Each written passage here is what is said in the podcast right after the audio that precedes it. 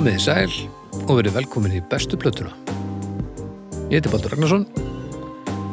Ég tekið upp uh, í Ableton sem er upptöku fóritt sem að sem er nú oftar en, oftast nú ekki hugsa kannski í hlaðvarps upptökurinn. Ég geri allt sem ég geri í Ableton. Ávitið það.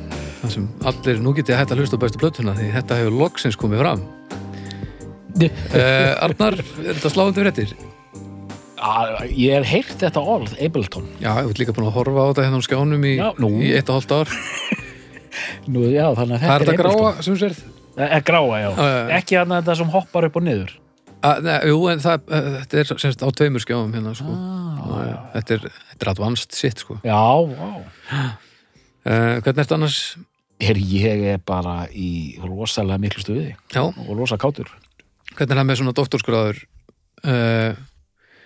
Renna þér út. Þú veist, er þetta eins og aukurskýrstinni Nei, það er Þetta sko, ég, endur nýja Ég bráði bara dótturskráð. ég ætla að segja, ég ætla að segja það er kæta ekki. Færðu skýrstinni?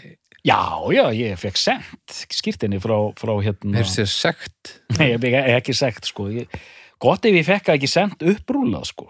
Og er ekkert svona eitthvað gildir til? Ertu bara doktor þó þú sért bara komið með Alzheimer og orðin Já, þúsund já, ára? nú er ég bara doktor, doktor bara til æfiloka Hvern, hvernig, rennur ekki út hvernig er þetta, þú veist, nú mátt þú kalla þið doktor, þú mátt setja DR fyrir fram að nafnið þitt. Já. Það má ekkert gera það nefnum þú sett mjög upp að skrifa það. nei, Já, nei, nei, ég meina það er þetta eins og doktor Gunni það er þetta nafn sem bara festist á hann Já, já. En doktor Alban, er hann doktor Alban, já, hann er hann ekki tannlæknir það er ekki málið Ah. Albin tannlæknir? Nei, þú veist eins og læknar þeir missa leiðið þeir fokk ykkur upp, ef þú segir eitthvað kólvillust, missur þú þá dottorsgráðuna Ég ætla, ég, ætla, einmitt, ég ætla að vanda mig að hlæja bara að þessu en, en þegar þú segir þetta það, ég það, jú, sko menn hafa nú fengið einhverjar hérna myndir, hei, fyrir ekki, heiðurs doktorsnappætur sem hafa nú teknað á þeim, sko. Ég er að bæla þú veist, ef þú myndir til dæmis gefa út bók og segja að þetta væri heimild, þú veist, þetta væri bara sagfræði um tónlist, basically, já, já, og svo væri þetta bara þegar þvæla, þvæla. þá verður hægt að svifta þið tillinum ég er ekki viss, það var hægt að svifta með starfinu, sko. En Já. ég er, veit ekki hversu fastir þessi titlar eru, sko. Nei, af því að það verður snildið og myndir bara semja fullt af einhverju sem fólki í framtíðinu myndi finna og svo það lettaður upp, nei, hann er doktor og, og bara fokka þessi í framtíðinu það, það er einhver að gera það. Já, ég var líka til að fá kannski meira svona kærum sko, þú veist, ef maður til dæmis kemur of kaldur inn í eins og, eins og í síðasta þætti með hérna, skankan Nancy sko, að, hérna, kæra þig? Að kæra mig það eða, er eða, djöfull gott eða svona, já svona hvað heitir það aftur?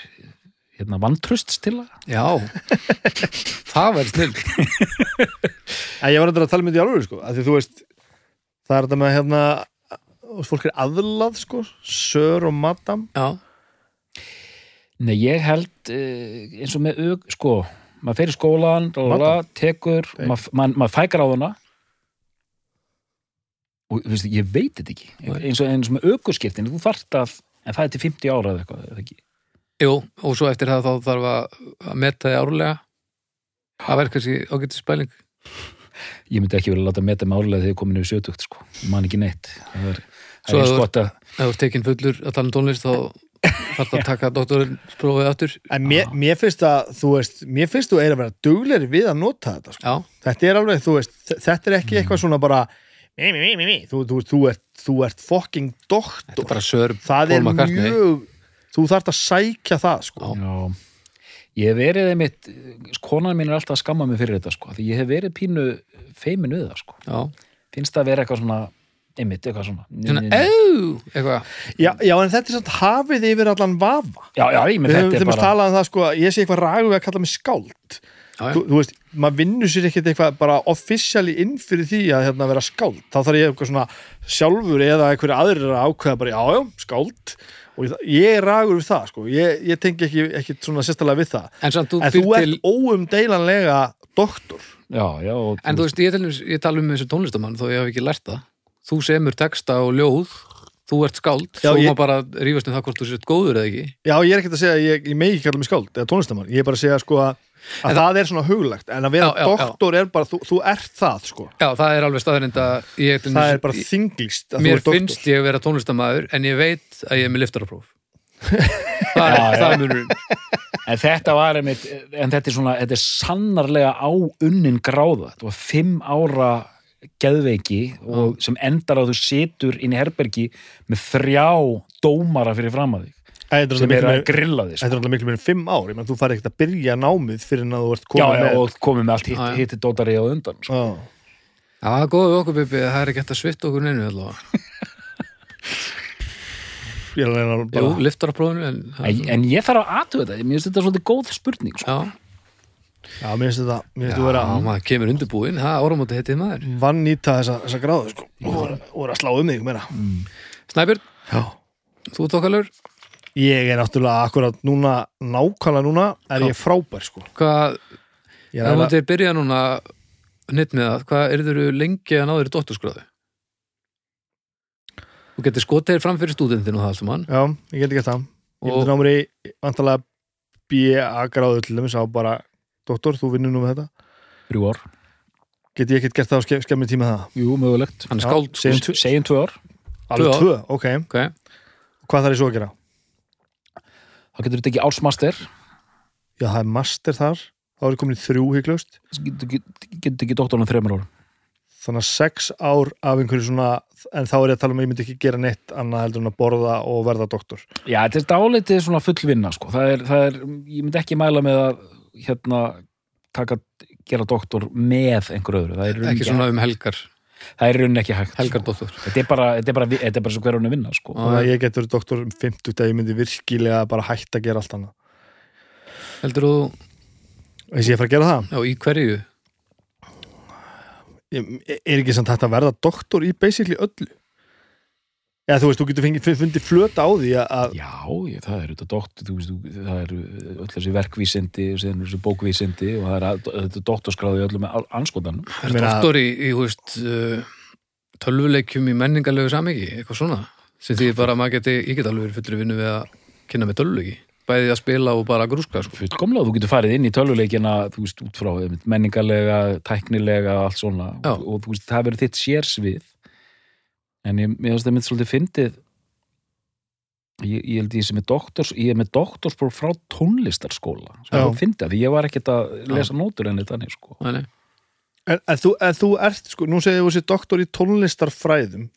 Já, það- já, en, en þú veist, er það gráðaðinn eða ertu, þú veist já, sko Það er eins og vinnum minn Ragnar Ingi, doktor Ragnar Ingi Aðarstinsson Já.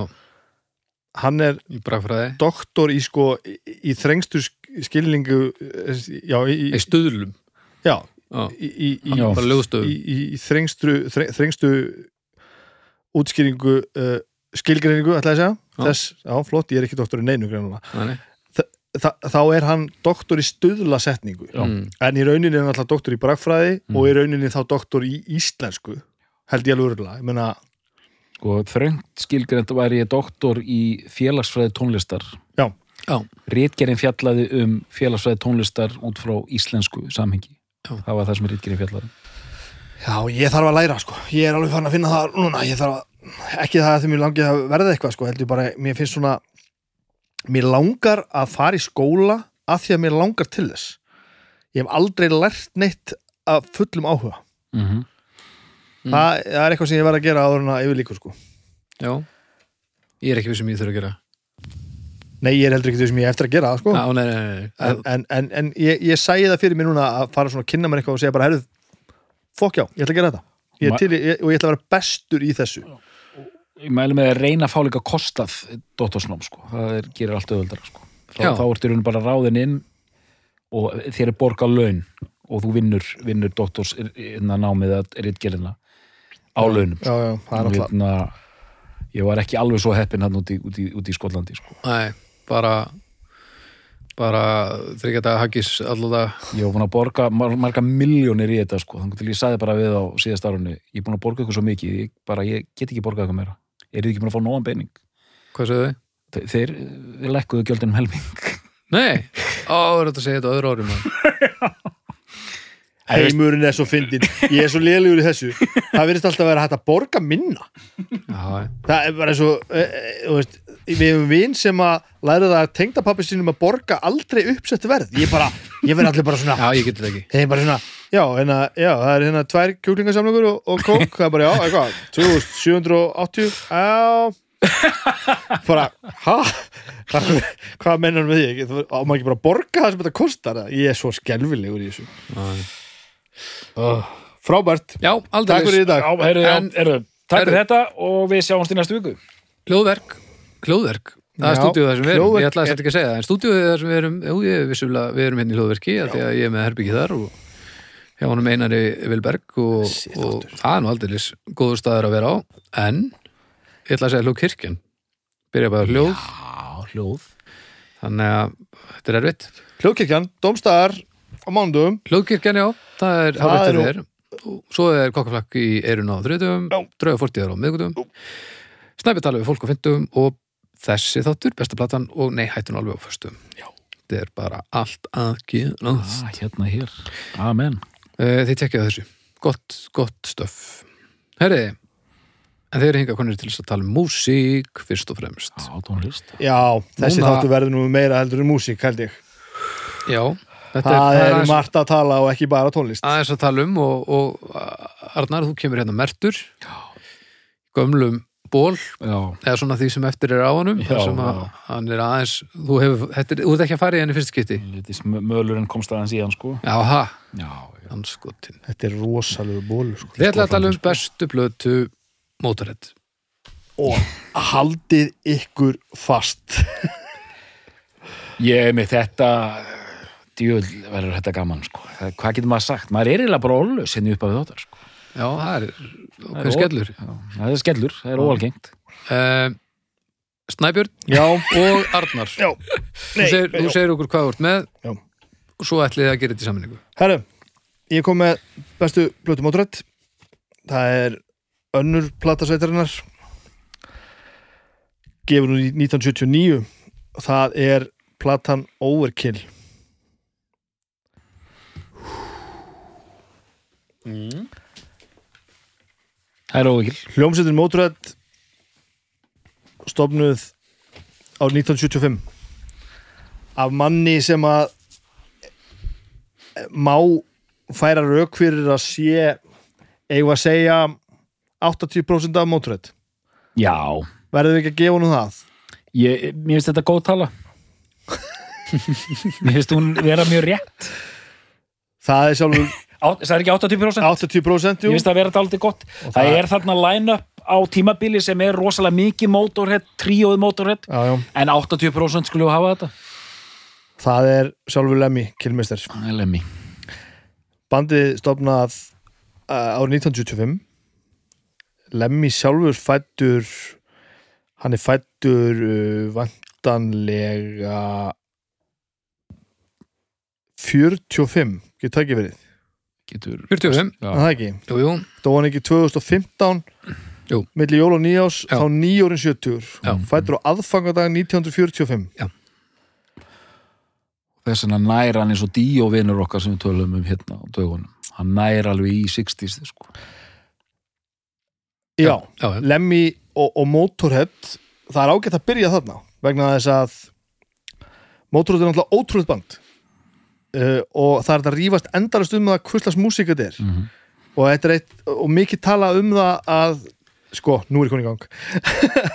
Sérstaklega að að segja. sérstaklega inn í 80s og jáfnvel fram í 90s og það er talað um, já, kannski aðalega 80s s- early 70, uh, late 70s 80s var þetta talað um það að þetta var eina bandið sem þungar okkararnir og punkararnir gáttu hlusta á. Þetta, þessi, þessar, þessar sko stríðandi fylkingar. Af því að þeir snertu svona á hvort tvekja síðarðir skítugir rockhundar að spila eitthvað sem var ekki hægt að stimpla sem hreinrætt að þungarokk. Eins og Lemmy sagði everyone thought we were a punk band until they saw a photo of us. Nákvæmlega. En ástæðan fyrir þessu held ég e- eftir að hafa hlustað mikið, hugsað mikið lesið mikið, hort mikið er það nákvæmlega að Lemmy er bara frá þeim bakgrunni og hann er bara fættur það snemma að hann elst eins og hann sagði sjálfur einsunni ég man eftir því þegar var ekki til rock og roll mm. og þetta er svo svakalegt sko. ég held að Henry Rollins hafi, hafi mitt verið að tala við hann sko. ég man þeir voru bara til plötur sem mamma mín hlustaði á Já. svo bara komu Little Richard Mhm. Og, og Súbílgjöld öll Já. svo kom bara, og Presley Mhm. og svo kom bara Bílandir Mhm. og það er bara hans bakgrunur Já. Mhm. og hann sagði alltaf í gegnum allt frá því að mótröð byrjaði og út í gegn spilum ekki punk, við spilum ekki þungarokk við spilum rock og roll Mhm. og ég held að þetta sé, þetta sé til grundu allar þess hvað þetta er og var og okkur allir gátt einhvern veginn fundið eitthvað í þessu og þegar þú hlustar Mhm. þá er þetta alveg satt. Já, já. þetta er bara rock og roll. Við tekum þetta er skilgarind á Wikipedia? Rock and roll. Heavy metal, rock'n'roll, hard rock og speed metal. Já, það er ekki rétt. Um, en enda uh, hinn frábæra heimildamyndum Lemmy opnar einmitt á því og ég mæli með þessari mynd um, opnar því að hann er að leita að hérna monoboxinu Já. með bílunum Mono, það var aðalmálið sko. fer í Amoeba vestlununa í Los Angeles. Og, og bóksið eh, hann, hann fer og leitar í rekkanum finnur bara stereobóksið, svarta. Mhm. fer að afgjörsluborinu og segir hérna áttu monobóksið og fæðir svari nei. Fer svo og leitar, eh, flettir einhvern plötum. Og þá kemur afgjörslu strákurinn með bóksið, þá hafði managerinn séð að Lemmy var í búðinni farið og leitað á bakvið, fundið Það er- fundið monobóksið, minnabóksið já. af því þetta átti að vera svona Já. sagði Lemmy, þetta, þetta var svona sko. hvað er nú að byrja eh, hann elst upp hvað er hann fættur? London? Nei, hann er, ég held að hann sé fættur í einhverju krummaskuðu sko. hann er fættur í krummaskuði Berry eða eitthvað já, hann er fættur einhvers staðar uh, uh, æskans litar, litast að því að, að fadir hans er ekki til staðar. Yfirgefu fjölskyldur þegar hann er þryggja mánuða held ég. Mhm. og mamma selur hann upp og ammans í hjáverkum svona í hjáverkum Eh. þegar þarf. In the Burslem area of Stoke-on-Trent, Staffordshire. Já, já, við erum bara einhvers staðar. uh, ég, ég ég man bara eftir einhverju það kemur fram í lemjumyndri, ég horfði hann í gær ég tók, ég tók rýrun á myndinni í gær Nó, það kemur ekki mikið fram um, um askans annað heldur en þetta og, og hann man eftir víðáttum og, og, og, og, og sveit sko. hann er þarna bara að- sinna skeppnum og, og, og hérna og bara það er bara no pláss sko. það, það kemur ekkert mikið fram í þessari mynd hvernig uppvöxtan átti ég hef lesið White Line Fever bókina, Ok. okay. svo langt síðan ég bara hreinlega man ekki sem er frábært notabene, hún er ekkert hún er, breytir ekki lífum hans en hún, hún segir hans skemmtilega frá. Það er svona viðtalsbók í fyrstu persónu, það er svona, svona ef ég man rétt, hann er að segja frá sjálfur sko, já, þó hún sé skrifuð af einhverjum öðrum. Og en hann, hann, hann fer svo freka fljótlega að spila tónlist. Fyrsta hljónstin sem hann í held ég að hafi heitið Rockin' Vickers. Já, já, já, já. og það eru til sko það eru til myndir já Myndir? já. og já. gott ef það er ekki bara til sko meiri myndir bara einhver myndskeið nei það sem að hann er alveg með hár hérna rétt niður fyrir eyru Já, í svona einhverjum, einhverjum kubli svona, í svona hljómsættabúning Nice. og þetta er alltaf svo langt síðan sko. Þetta er þannig erum við svona bara 65, 66 Já. eitthvað svo leið sko. þannig erum við bara, þú veist Þetta er bara bí- bítla, bítla, bítlamúsík Já, já, já. og, og, og þar er hann strax sko orðin karakter sko en náttúrulega ekki þessi rosalegi maður sem hann síðan varð sko maður sér sann, hann er sko andlitið hann er svona stórgerður einhvern veginn sko. já. og það er svo sem er ekkert mikið um það að segja Þa, það eru til upptökur og eitthvað sko þetta er alveg, þetta setti einhver, einhver lög allavega á, á litla plötur sko og skemmtilegt já, þú veist, þess tíma bara já, og, og þú veist e, það, það er spila hann að bassa þar eða? Nei, gítar held ég alveg örgulega eins og hann gerði í Hókvind, hann var uppalega gítarleikar í Hókvind sko. Spila hann gítar í okkur Já, og svo tók hann bassan bara því að bassaleikarin fór eða eitthvað. Okay. og hann sér satt þessum árum setna ég man ekki hvenar Hókvind hvenar hann er í Hókvind, sko. Það er hann að frá svona 70 eða eitthvað frá 70 til 75 cirka. Og Hókvind náttúrulega þetta svona psychedelic brjálaðisband ég elska Hókund, ég elska þetta er ótrúleg hljómsveit, sko. Dýrka þetta. Ofbóðsleg psychedelia, ofbóðsleg neysla og ef eins og meðlifindi segja oft sko, stærsta vandamáli við Hókvind var það að það var engin að nota sömu já, það fólk gæti ekki alveg tala saman sko.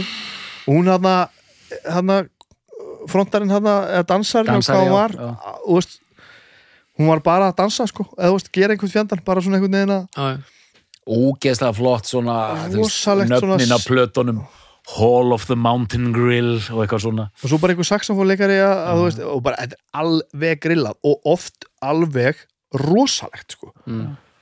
og ég á Hókund kaffibólla Warrior at the Edge of Time Yes, Já, auðvitað áttu það dóttir. og þau túra helling og fara til bandaríkjan hvað, oftar en einu sinni með, með hann innan, innanbúrs man man ekki en jú, eitthvað það sem hann er bestaður var hann er allavega böstaður á landamærunum með allt og mikið á eitulugum og sleppu nú og, og, og kemur sér einhvern veginn og, og svo er hann einhvern tíma skilin eftir okkur böstoppi eitthvað, kemur svo staðin og spila gig og svo er hann reikin eitthvað, þetta er svona eitthvað alveg Það- glóru það það hefur almennt verið talið mjög góður árangur að vera rekin úr Hókvend fyrir Neslu og já, Eitilju fyrir vesen. Já, og það eru viðtöl við Hawkwind menn hana í, í hérna í lemjumyndinu og það, það eru karakterar maður, það er búið að gera ímislegt það er sigg á þeim. Já, það er alveg glæsilegt sko. Eh, skemmtilegt fólk samt. Ég held að séu að tala við þau þrjú þarna og þau eru alveg, þú veist, með okkur sko. Er tíra góðum mynd. Já, leiðtóin Dave Brock er bara mjög flottur sko, hann bara rekur þetta bara eins og bond, bondi sko. Býr á einhverjum sveitabíli þarna. Og bara gerir sitt hókvinn, og þetta er alveg rosaleg hljómsveit sko. bara naskur sko. og það er bara allt í botni þetta er bara algjört brjálæði. Það er bara spilað og það er bara allt í, í rauða botni og það er engin að það er, það, það er bara það er ekki pláss fyrir neina spurningar. Það er bara gert. Já, og hann sannst látið fara og stopnar Motorhead bara strax upp úr því 75 með tveimur mönnum sem ég man ekki hvað heita sem að eh, taka upp með honum einhver örfá lög sem koma svo út hana setna á ferlinum hana já, já, einmitt, einmitt. Og Hókvinn er þetta gefur lag sem heitir Motorhead. Já, hann tekur náttúrulega nafnið þaðan. Já. og stopnar 75 og fyrsta platan er 77 held ég örgulega satt, og hún heitir Motorhead. Þetta er Motorhead. Og hún er með þessu íkoníska umslægi já, já, það er Snaggletooth mættu strax þessi þetta, þessi þetta maskott, hvað var að segja, þetta luk, lukkudýr sem síðan þeirra. var, já, sem, fylgdi þau svo til enda Mhm. og þar á þeirri plötu er þetta power trio, allra power trio fætt Já. og það eru þeir þrýr Lemmy á bassa og söng uh, erum með Fast Eddie Clark Fast Eddie Clark ah, Mhm. á dásamlegt. gítar og Filthy Phil Animal Taylor á, á, á, á trommur. Og þetta tríó það er bara ekkert þetta er dásalett það er, það er svo ótrúlegt. Höldum við til haga að allir þessi menn eru fallið frá. Það er, það er ótrúlega staðrind Phil fór, fór, fór fyrstur. Mm. svo fór tímann hana 2012 eða eitthvað. Eddie, já, ha, Phil fór fyrstur já fylgfóðustur fast Eddie nei, Nei, svo fór nei, Lemmy sé- sé var Lemmy, já. s- eh, 2015, ég held að fast þetta í klarkaði dáði bara 2018 eða eitthvað Já. og, að- og þe- þe- þetta line-up ég held að þurfi enginn að rífast um það að, að þetta er það sem við svona sem sagan á eftir að sjá sem- sem blóma tíma móturhætt það sem töf, töfrætnir gerðust já, Já. en að því sögðu eh, er síðasta line-upið sem að lifiði náttúrulega hafa síðustu 20 árin eða eitthvað mm. stórkostlegt líka og það má ekki gleyma að, að þeir sérstaklega sem liveband voru rosalegt band sko Mm. En Við erum gjarnan fá rök inn á spjallborðið um það að í rauninni séu síðustu plötur mótorið miklu betri heldur en fyrstu plötur. það væri Það væri mjög gaman að mjög það. gott að fá, þessi fá. fyrsta plata Motorhead, hún er hérna þunn Já, hún er þunn, hún, hún, hún setur tónin og það er gaman að hlusta á hana allavega fyrir okkur sem, að, sem trúum eh, og það eru sprettir sko e- en, en eh, það eitt og sér hefði aldrei dugað sko það er ómikil hippismi yfir ennþá. er það málið? Mér finnst það. Mér finnst svona að vera það er svona hókvind blær yfir plötunni og hún er eins og þú segir þunn, hún er hún er ekki, er ekki alveg nægilega sannfærandi sko, orðað þannig, sko. brjálaðið Er- er ekki alveg komið nei, það er eitthvað sem bara Fyllir Hókvind blær eitthvað sem einhver listamæður myndi skýra sinn? Blær. Hókvind blær, ég fíla það sko. Hérna, já, það, það, það, það er bara eitthvað svona early 70s hangover yfir þeirri plötu. Já, já, já. sko. Hún er 77 eða ekki? 77 og það er ennþá en það eru einhver lög þannig sem hann hefði verið að semja þegar hann var ennþá í Hókvind sko. Já, já. þannig að já, síðan kemur inn heilaga þrenning. Síðan koma þær þrjár plötu sem að við getum mögulega sett í sæti 1, 2 og 3 yfir bestu plötu veraldar. Já, fyrst kemur besta platt í heiminum sem er Overkill sem er síðan góðan daginn. Hún kemur 79 svo kemur Bomber. Já, já, við þurfum kannski aðeins hægar í þetta aftur og eftir. Bomber, Já, ég er bara að Lí, syngja það sko. Líka 79 It's a bomber, it's a bomber. Na na na. Bomber, Bomber. Og síðan kemur eh, Ace of Spades. Hún 1980 Já. síðan er svo spett og þessar plötur eru náttúrulega sko, þær eru þær eru ofbóstlegar allar. Eh, Svinga. það, það er svo margt sem er að tala um hana, sko. Þetta er svo, þetta er svo mikið grúf, þetta er svo mikið sving að þetta er ótrúlegt, ég var að hlusta á þetta ég, ég var að fara yfir um sko. Þa, það er svo margt að gerast þarna og, og svo eins og það sé ekki nóg það, þá í kjölfari kemur besta liveplata allra tíma. Já, já. No Sleep til Hammersmith. Er hún ekki 80 og nú var að fletta upp. Og sko það má rífast um eitt. Um, að því að halda hérna á Overkill sem ég finnst vera bara, sinns, bara þetta er svo ótrúlega plata sko. Mm -hmm. það, það hefur alveg verið rætt oftar en einu svona oftar en tvisvar að uh, Motorhead geðveikin hafi, ekki, hafi kannski ekki einhvern veginn svona skila sér á, á upptökuna. Óveikil sem sagt. Á Overkill, að hún sé svona já, 81 er það no sleep 81 Já. já. og hvernig er svo hérna Iron Fist kemur Iron frá Fist er 82 82 þá uh, Iron Fist er 82 já. og svo er Another Perfect Day. Another Perfect Day. Og en, en sko mér er bara alveg sama. Lögin eru svo hryllilega, hryllilega góð. Eh, Þa, það er til dæmis, sko platan byrjar á lagi sem heitir Overkill. Mhm. titilar plötunar Þa, það eitt og sér ennú bara hvað er að segja? Það lag bjóð til Metallica. Þa, það, það, það lag bjó uh, mögulega bjó það til eitthvað sem að við myndum kalla á ég að segja þungarokk. Þú veist var þetta mögulega fyrsta þungarokkið? Af því að þú, hvað var þarna undan? Er um, eh, Þú ert ekki að tala um þrass Þetta svona búið, þess vegna var Þú- þetta speed metal hann Já, þú, þú, þú veist, Var þetta Black Sabbath sem bjóð til Já. e, að um e, það. eða ekki sko. E, eða mótrödd Ossi segir þetta sjálfur í myndinni annarkort voru þetta mótrödd eða sabbath segir hann, ég hallast að þetta hafi verið mótrödd auðvitað segir hann það í myndinni, skilju það er bara allt til að segja það. En í overkill þar eru við með tvöfaldar bastrónu Já, já, já, já, já. Mhm. Filthy Phil Animal Taylor, hann hafði keft sér hérna hann hafði keft sér aðra því að, að því að vandalega því að var ekki Ginger Baker sem var alltaf með tvær og hann vissi nú ekki alveg hvað hann ætla að gera við þar en bara ef önnu myndi bila að eitthvað hann var töff að stilla þeim upp saman hann alltaf hafi alveg verið gert áður menn hefur verið með tvær bassatrómur að leika sér eitthvað Mm. og svo er hann eitthvað að æfa sig og þeir hérna þeir eru eitthvað að stilla upp og heyra hann að æfa sig og hann er að nota báða bassatrómur og hann er bara eitthvað svona hitt upp og, og prófa eitthvað sko. og þeir bara halda þessu, halda þessu og þannig verður sérst overkill lægi til sko. Mhm. og hann slætar hérna frá tóltabati og, og, og, og það, það lag er fyrsta svona lagið og eins og einhver sagði bara og svo gerist ekkert fyrir Lombardo fór bara að gera þetta tíu sinum hraðar Þa, það bara, þú veist, þarna var þetta bara til Mm.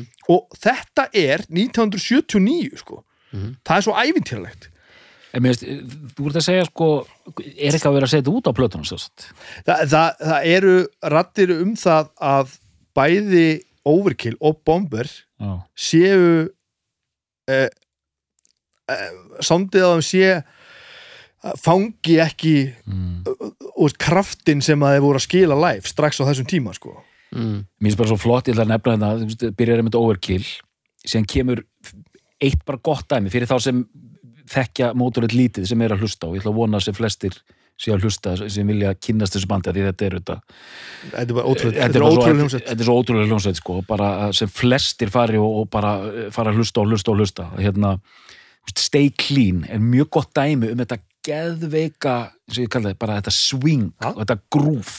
Það er bara svona þetta svingar svo geggja sko, og maður bara svona getur ekki annað sko, það er ekki hægt Mm. að að fíla þetta ekki sko, það er bara ekki hægt þú fílar rock, þá fílar þetta. Já. það er bara þannig. Og sér kemur eins og Capricorn sem er svona flott svona, svona dökkur grúfar einhvern megin sko. Þú veist get out of town sko.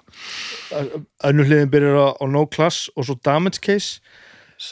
Og, og þú veist það, fyrir fólk sem er ekki hlusta á, á, Motorhead þá heldur fólk held ég Já. að þetta sé alltaf allt í botni og ælu háaði það er svo langt frá því. Það, það eru sko hvað er þessu margar Motorhead plötu sem eru ekki með balluð til dæmis? Það er alltaf svona hæg ballað á öllu. Mhm. það sem hann er bara að syngja um eitthvað sem skiptir máli og grúfa bara eins og anskotin auðvitað er alltaf með þessa uh, Já. rödd og alltaf þetta, þessi grotti það er ekki verið að slaka á sandinu sko. Já, jú, reyndar hafði nú gert það líka.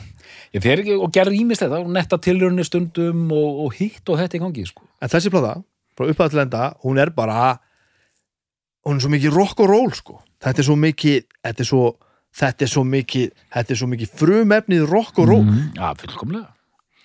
Og, og, og svo kemur Bomber hún er ekki ef góð. Ok. Eh. Ég gef ekkert upp enn. hápuntarnir eru sko, lifði eitthvað af þeim lögunum að Bomber Já, gott ef sko Já, já, þetta er alveg rétt sem þú segir sko að hérna, hún er dálítið svona hérna morgunin eftir einhvern megin En svona, hún hún, er... ekki alveg En hún er frábær. Já, en einmitt, Bomber er rosalegt lag það er bara rosalegt sko. En síðan, já, ok og svo kemur náttúrulega þessi íkoniska plata Ace of Spades sem náttúrulega mjög margir telja að vera þeirra bestu og hún er náttúrulega að mínum dómin tvímalust þeirra næst besta plata Mm. og það, svo plata er náttúrulega svakaleg sko. og hún sándar að mörguleiti innan allar gæðsalapa betur Mhm. það er eitthvað meira svona það er eitthvað meiri kraftur. Já, eitthvað, ég veit ekki hvað á, hvernig á, á, á að orða þetta. Þeir túra og túra og túra og túra og svo kemur þessi þetta No Sleep til Hammersmith sem er tekinu upp uh, meira og minna held ég á tveimu kvöldum Og þannig er líka og síðan það sem er að gerast á þessum þremu plötum einmitt, þeir byrja þarna í nettur uglið þarna með Motorhead 77 Mhm. sem heyri maður hvernig þetta, þetta einstaka dæmi er að verða til í gegnum þessar þrjár plötur sem búið að nefna hérna. Mm. maður bara svona, vá hvað þetta er flott. Rosalega flott hvernig þeir hitta á þetta. Þeir hefðu alveg geta haldið áfæra einhverju bölvuðu hérna, hippa hjakki skilur en þeir, veist, þetta, þetta er þétt það verður miklu meira kompakt Mm. og bara, og samt bara svolítið eins og bara Little Richard sko. Já, já, já, já nákvæmlega, nákvæmlega, þetta, alveg er, þetta er ekki eitthvað teknikal eitthvað brjálað, eitthvað brjáluð flókin metalriff og eitthvað. Það fyrir fólk sem að ekki þekkir náttúrulega þarf að líka taka þarna út fyrir uh, sérstaklega uh, til, til kastana spilamennskuna trommuleikurinn er náttúrulega æfintilegur Mhm. og hann er náttúrulega bara, bara kolbilaðu maður sem er brjálaðast að góður á trommur að spila miklu miklu öfgafyllra á meira heldur en nokkur hafi gert. Já, já. þetta var bara ekkert svona. Nei, nei, nei, þetta hafði enginn gert og hann bara ónaði þetta og brosti aldrei. Hann var aldrei að grínast með neitt af þessu. Þetta er bara svona, þetta er fast og hratt og haldið í kæfti við erum með stórkustlæðan gítalegara fast, þetta Clark sem var alls ekki fast. Nei. frábær alveg hrikala slakkur og, og bara svona gamall grúfhundur alveg glæsilegur með Fender Strat. Alveg meistaralega glæsilegur. Og svo lemmi sjálfur með Rikki Bakkabassan allt í rauðabotni og spilar náttúrulega á hann eins og gítar, eða miklu meira heldur en svo bassa Mhm. eiginlega, spilar eiginlega alltaf hljóma á bassan, það er Já. mjög sjaldgæft að hann sé að spila annað heldur en hljóma. Og, og bara svona ein, einfaldar e, e, svona 500 og 300 og 800 þetta er ekki svona, þetta er ekki einhverji svona e, e, það er engir, það er enga minkaðar sus 500 hann sko, fer 700 Nei. þannig að e, hljóð heimurinn fyrir viki verður mjög framandi sérstaklega þessum tíma sko.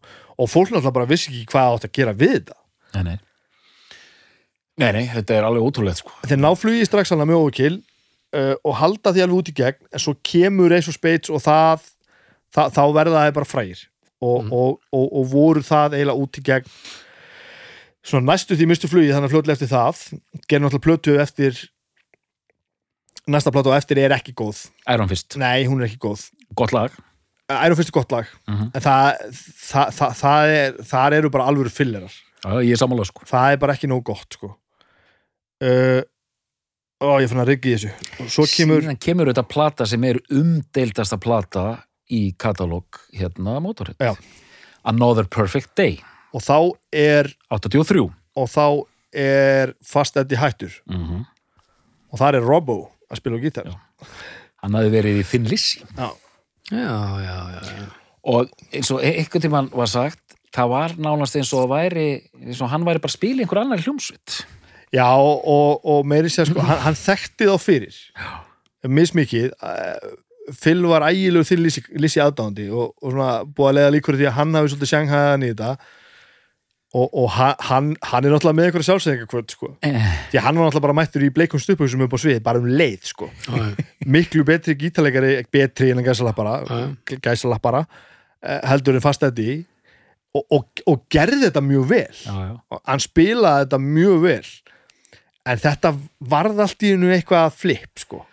Ég er enda sko ég elska Another Perfect Day. Mér finnst hún algjörlega frábær en hún er sko, hún er algjörlega hliðstæðlaus í ferlinum. Já, já, gítars, að því að ég er svo ótrúlega mikill sökker og þið þekkir þetta betur en ég fyrir svona yfirtóna gítars já, sem er bara, Nú bjöllu tóna svo, já svona bjöllutóna sérstaklega í hérna Dancing on your grave. Hann er náttúrulega brjálega slagur gítar alveg hrikalega góður sko. Sem er bara, er bara svona yfirtóna flip út í gegnum það lag sko. Mm.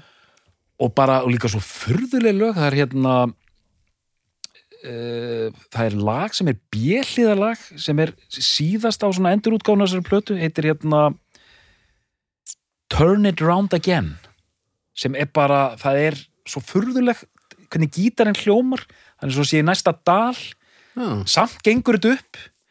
Ok. Allavega, svo plata er emitt hún er mjög umdeild en mér finnst hún alveg frábær sko. sumir segja hún sé bara skömm, skömm. Já, ég er ekki þar. Og er það er út ekki- af spilamennsku breytingum eða bara að- lögin eru ekki að, út af lögunum heldur aðalega held ég gítar bara já. hljóminum sko. ok, já, ég held líka bara að og það stöðkursunar já, hann var náttúrulega og, og myndir að með svona, hann er náttúrulega alveg glórulega sko. En ég held að sé svona droslega margi sem að eru svona puritan þengjandi Já. að þú veist, þarna var bara blómatíminn búinn sko þannig að bara fast þetta Clark hættur já, og þarna endar bara heið eiginlega mótorið og, og það er alveg hægt að leiða líkur að því sko en hann endist bara í eina plötu var ekki Jú. og næsta plata er Orgasmatron Já. og þar verður bandið að kvartett mm -hmm.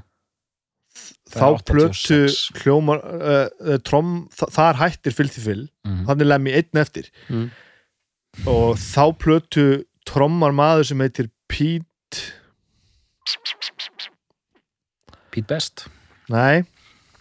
Ég ætla að segja Pete Gibb en hann heitir það ekki. Hann heitir eitthvað svo leis að því að, og það er auðvitað mjög þekkt titilagið Orgasmatron, Já. Sepultura tóku það, Pete Gill. Gill, já, hvað sagði ég? Gibb, Gibb, já það er annað, Gibb er annað. Já. Pete Gill. Mm uh, og þar byrjar Phil Campbell sem var í bandinu til, til loka. -hmm. og þarna erum við að tala um að árið er 80 og sex. 6 árið áður ef ég maður rétt gerði þetta line-up hinn gítarleikarinn var kallaður já, já, já. ægilegur, ægileg fyllibitta og, og flippari, ægilegur. Þetta, ég held að hafi verið þetta line-up sem að gerði nokkur smáskjölu áður en gerði orgasmatron og eitt af þeim lögum, haldið ykkur fast, er Killed by Death. Besti lagatill í heimi. Já, mögulega besta lag í heimi líka. Killed by Death. Já, já, og, og þetta lag er svo það er svo, það er svo endalust gott sko. Já, já, þetta er dásalegt þegar Melrakkar hérna, spiluðu hérna, sínum tíma við nokkrum árum síðan það var Metallica tributbandi sem að eina tributband sem ég hefur í á æfinni ef við köllum þetta já, mm og, og það var sem sagt Bjössi mínus á trommur Flossi á bassa Mhm. þetta það var svo Metallica tributband sko.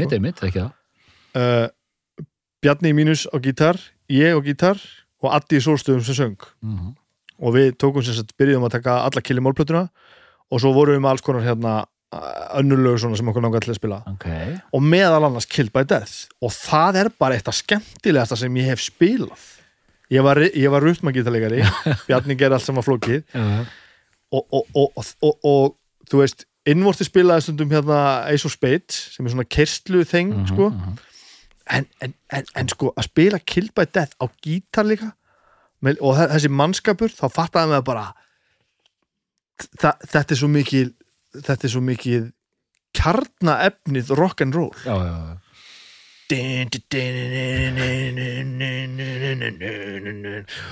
þetta er ótrúlegt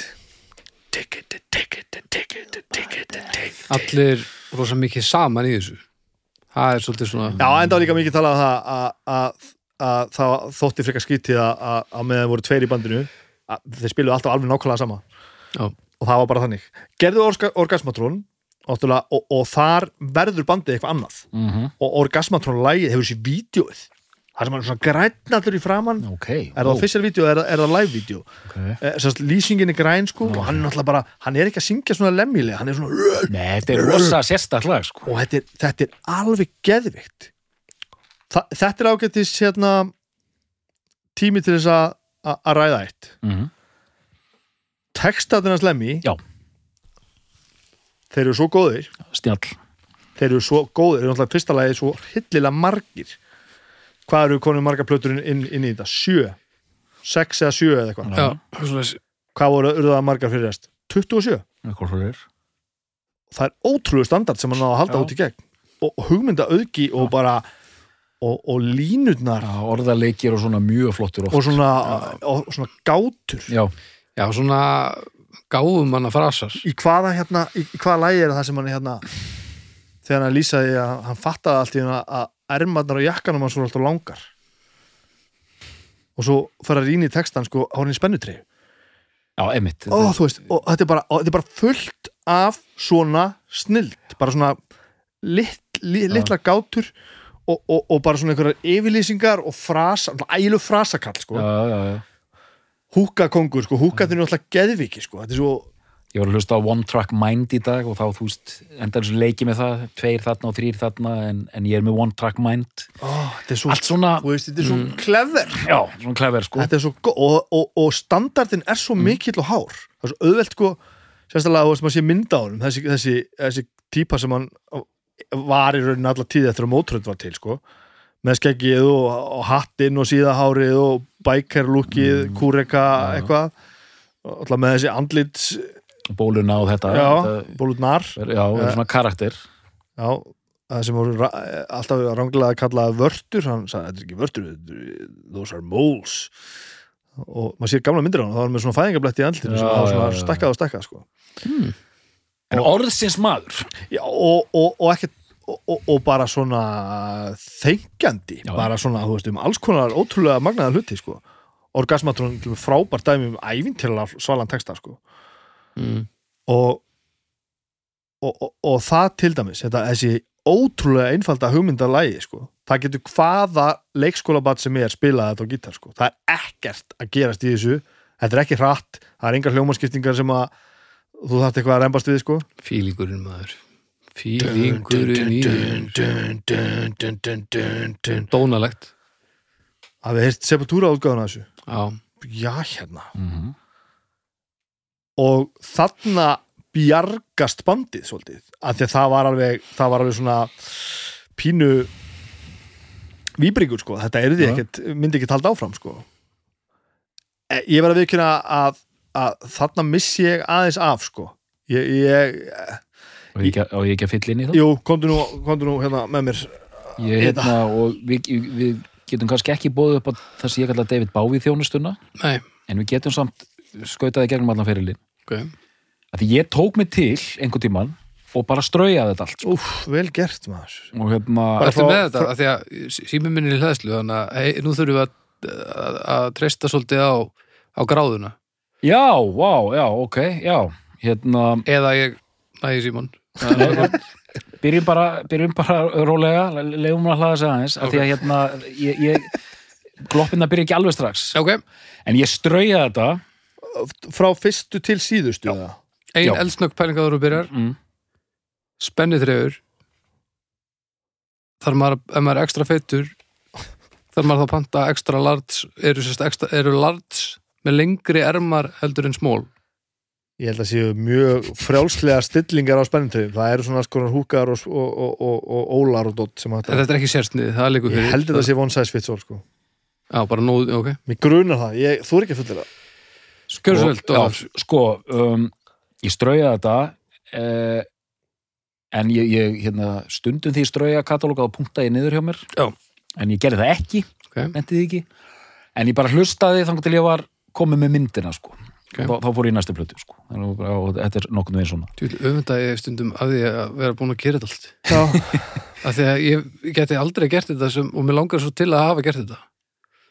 Tímafrekt, en djöfullega gott að þú sitt búin að gera já þannig að sko, það, næsta plata á eftir Orgasmatrón er næstuð einhvers konar lágpuntur á ferli hérna mótorið, það er plata sem heitir Rock'n'Roll já, það er skýttinplata Já, kom út 87 ef ég mann rétt. eh, Þá er Phil komin aftur eða ekki Ekki viss sko. Ég held þetta sé bara Já. þessi eina plata sem hann trómaði ekki þarna Ég held það Hún er bara, hún er bara slöpp. Síðan held ég að næsta plata, og það er svolítið langt bil, hún kemur út hérna 1991 og heitir 1916. Það er rock solid Já, plata hún er mjög góð sko. Það er hérna fyrri heimstæreldar þema á þeirri plötu eins og titillin gefur til kynna Mhm. Og sko þeir fengu sko grammi tilhemningu einhvern djöfli fyrir hana. Hún, hún er, hún er já. dörrullu solid sko. Þú veist, hérna, The One to Sing the Blues, hérna, byrjar einmitt plötuna sem kemur, hérna, I'm so bad baby, I don't care. I'm so bad, baby, I don't care.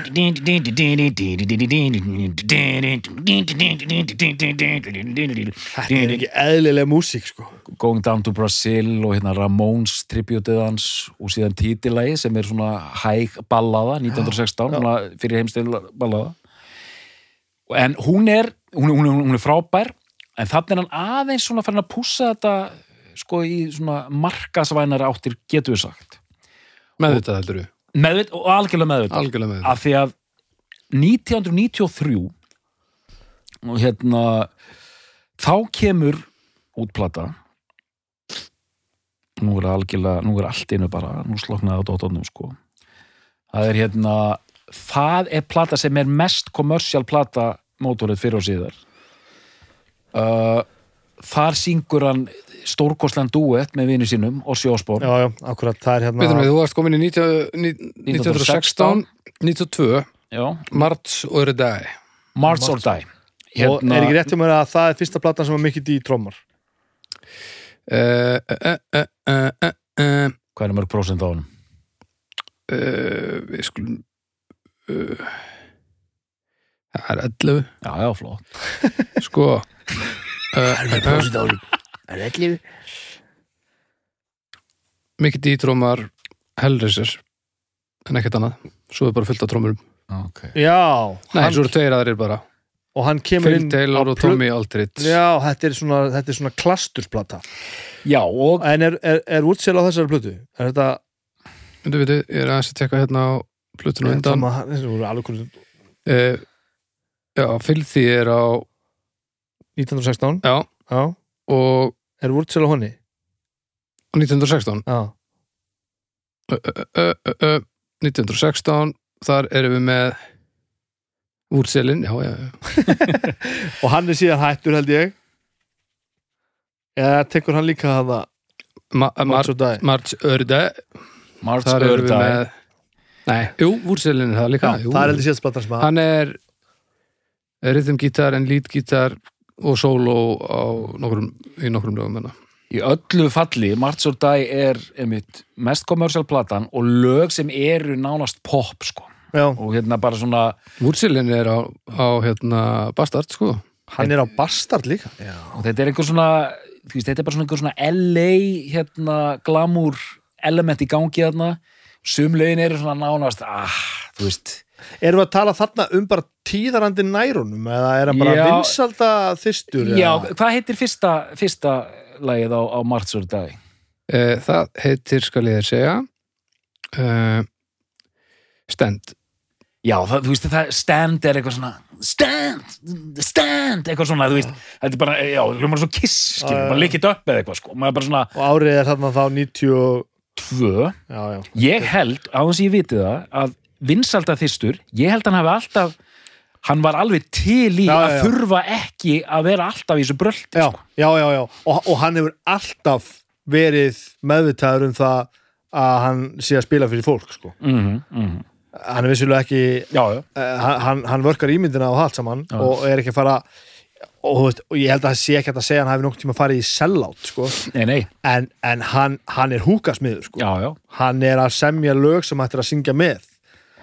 Að maður hefur svona tilfinningu með þessa plötu bara, að, að menn hafi setið bara við borð, eitthvað kráarbála bara ok, prófum þetta prófum þetta, Já, prófum þetta bara strákar. Þú veist, setjum smá sína á þetta Já. tökum smá LA hérna, sólar, sólskinstæmi á þetta.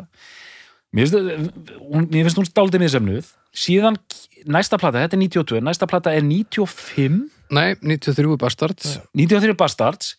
Þá og það er svo merkilegt með þessa hljónsveit að því að við erum að tala um hann að guldaldar tímabilið Mhm. rock'n'roll, swing og groove að Motorhead er eina hljómsveitin sko að restin, sem við skulum skauti í genið restin af kattunum er harðari já það er þannig. já, þetta, þetta er miklu meira metal, þetta er svona já, þetta er svona grjótharðari einhvern veginn sko. Hann tekur eiginlega, sko, bara hörðulögin. Já, Það, er svona það er svolítið það. Hann tekur svona hörðustu útgáfuna Motorhead og það er restina já, ferðin. það er restin af föllum og bara, og sem sé, ég man ekki sko, það er Bastards, Bastard Bastard. Bastards Bastards 93 Bastard. 93, já, með Já. þessi Já. uh, 95 er Sacrifice Sac Sacrifice, sacrifice. og á Sacrifice er Úrselin á rithum Hann er svo Og lengi, leadgítar. hann er haldið svo lengi út. Þetta er hins vegar síðasta platan sem hann á. við mistum hann svo, hann er dáinn. og Sacrifice er 95 og það er auðvitað smá eins og allir lendi í Dio og allir heyra það er smá svona 95 hérna reverb. svona já, indus- industrial kuldengur 96 er Overnight Sensation Sensation og núna, þú veist, ég, hei, ég meila man ekkert munin á þessum blötum sko. Nei, ég, það, það, það, á þessu tímabili er ég alveg út, sko. Overnight 98. Sensation, já, 98 Snake Bite Love Snake Bite Love, já 2000 We Are Motorhead er mótorið, já 2002 Hammered 2004 Inferno Já, ég hlust Infer- að Inferno. Já, Inferno, hún er mjög góð Hún er nefnilega helviti góð, sko. Hún er alveg grjótörn, sko En þarna, þetta tímabil þarna á milli, eiginlega bara með líkur að segja Orgasmatru og Inferno, er ég næstu því alveg kaldur, sko. Næstu því, en ekki alveg. okay. 2006 Kiss of Death mm Og þarna eru, komin, sorry, komin á tímabil það sem að ég er sennilega bara orðið nógu fullorinn, þannig ég er að fylgjast nógu mikið með. Já, já. Þannig að þa- þarna held ég að ég hefði tekkað á öllum plötunum þegar það komu, sko. mm Kiss of Death, 2006 2008 Motorizer mm Það var skemmtileg plata, sko, Motorracer. Já, Það var ekkert svona, það er svona grallaragangur í henni. Það, það er eitthvað svona... Komið grall. Já, það er eitthvað, hann er í stuðið þarna. Komið grall í kallana. Uh, 2010 The World Is Yours. Já 2013 Aftershock og 2015 Bad Magic. Og það sem ég ætla að segja að endanum að með þessar tvær síðustu plötur sem eru bara flottar uh, og þú veist bara allt gott sko þar heyrði ég, skrifaði einhvern veginn um þetta þar er röddin í raunni farin hún er mjög mjóróma. Já, já. og það er eitthvað svo ótrúlega fallegt. Já, þetta komum við náttúrulega líka að einu sem er algert líkilatri. Hann baðst aldrei afsökunar á Mm. neinu. mm -hmm. Hann, hann skoraðist aldrei undan neinu og hlutinni voru bara eins og þau voru. Já. Og þannig mitt, að segja, hann bara að missa röddina sem var náttúrulega ótrúlega fyrir, sko. já, já, já. Það var þá bara þannig. já og, og ég bara, þú veist, ég fæ bara ég fæ nánast tár í augun því ég hugsa um þessar tvær síðustu plötur af því að við viti hvað ég er að meina það er einhver svona fegurð þetta er svona gamli stríðsmaður Já, já. sem bara veður áfram no matter what og bara skilar þessu sko og þetta er bara svona þetta er svona eins og Johnny Cass plötunar þessar síðustu plötur Já. hans sko bara svona ógeðslega flott, bara mortality bara alveg hangandi yfir en bara fallegt sko Og þarna komum við náttúrulega líka að, að, að þessu manni sem hann var að hann var bara lemmi í Já. ha- ha- hann, ha- hann átti engin sviðsföt. Hann, hann, hann átti ekkert líf fyrir utan mótorett hann sapnaði alls konar dóti og, og fannst gaman að vera til og drekka brennivín og, og spila tölvuleiki og, og vera í spilakossum en, en það, sem þú, það sem við sáum það var það sem hann var. Já, fullkomlega.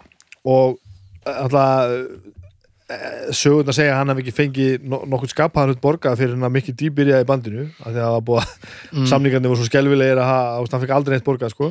svo kom bara einn ein sænskur rasískur peningadurtur í bandi og, og, og bara tók þetta allt í gegn og þá loksins fór hann að sjá okkur pening hvenær flutt hann til Los Angeles það er 90s Já, eitthvað já, upp úr 90 held ég og, og þá fyrir hann að hafa allt í lægi sko. Já.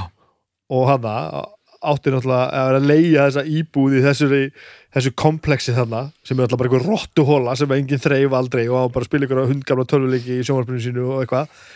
Svo fyndi ég hann í myndinni sko bara, akkur hérna akkur, akkur flyttur ekki?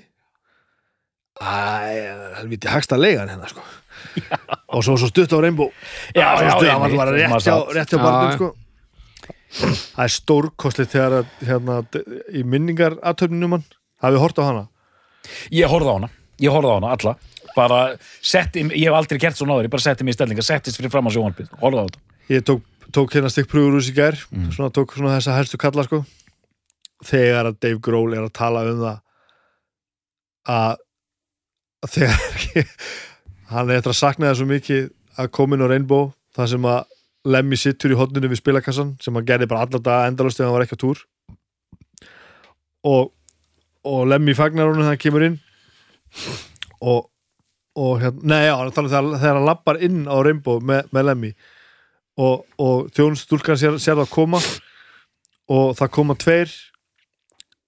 Jack Daniels í kók hún kemur með tvo Jack Dan- Daniels í kók og postin að Lemmy. Þetta er, það er svo glæsilegt. Hann tala líka um það með Dave Grohl hvað hann var mikil manneskja líka hann, hann Lemmy, að fyrsta sem hann segir við hérna Dave Grohl þegar hann hittir hann var Já, sorry, I'm sorry about your friend Kurt. Hann bara svona að að vera svona naskur sko.